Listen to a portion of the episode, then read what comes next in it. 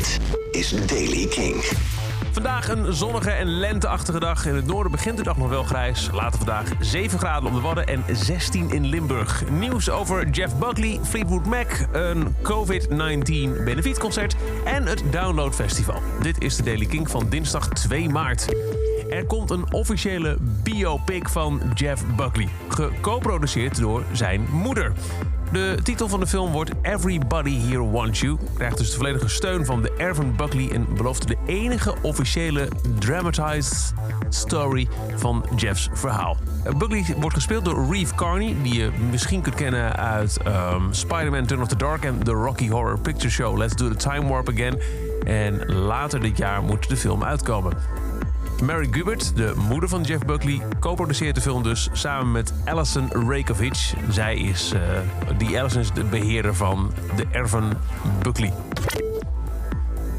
Misschien kun je nog herinneren, Fleetwood Mac stond een poosje geleden, een paar jaar geleden, op uh, Pinkpop. En dat was toen zonder Lindsey Buckingham, maar met Crowded House frontman Neil Finn. Uh, Lindsey Buckingham was met heel veel lawaai en herrie de band uitgeknikkerd in 2018.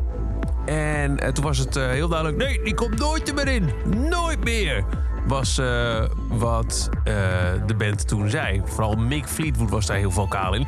Maar inmiddels, ach ja, gut, ja, nou ja. Kijk, oud-gitarist Peter Green van Fleetwood Mac overleed vorig jaar. En er is toen veel contact geweest onderling tussen de verschillende bandleden. En hij zegt, ja, ik heb ervan genoten om opnieuw weer een verbinding te leggen met, met Lindsay. Het was een, een heel fijn contact. We zijn prachtig eerlijk geweest over wie we zijn en hoe we zijn gekomen, waar we zijn. Op de vraag of er dan misschien weer een keer een tour komt met Lindsey Buckingham, zegt Mick Fleetwood: Weet je, er kunnen vreemde dingen gebeuren. Fleetwood Mac is een enorme familie. Iedereen speelt een belangrijke rol in onze geschiedenis. Zelfs iemand als Bob Welch, die begin jaren 70 gitarist was. En Lindsay's positie bij Fleetwood Mac zal om voor de hand liggende reden nooit worden vergeten. En mag ook nooit worden vergeten, dus zeg nooit nooit. Oké. Linda Perry, die je wellicht kent als zangeres van de Four Non Blondes, daarna een uh, groot songwriter werd, heel veel hits op haar naam, die komt met een uh, grote Rock and Relief livestream fundraiser om geld in te zamelen voor een uh, COVID-19 vaccinatieprogramma, vooral voor mensen met lage inkomens in LA, waar de ziekte extra hard heeft toegeslagen.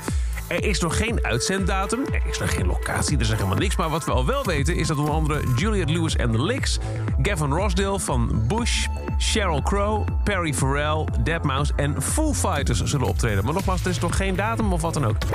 Wel een datum is er voor het Download Festival. Een groot Brits festival waar uh, ook flink wordt geherbankt. Alleen het vervelende is wel dat het een datum is van volgend jaar.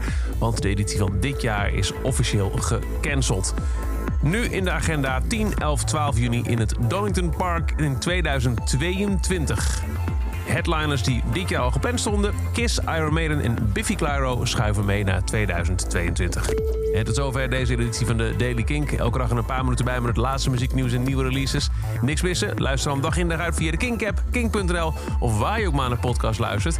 En als je nou meer muzieknieuws en nieuwe muziek wil, dan luister je elke avond naar Kink voor de avondshow voor Kink in Touch.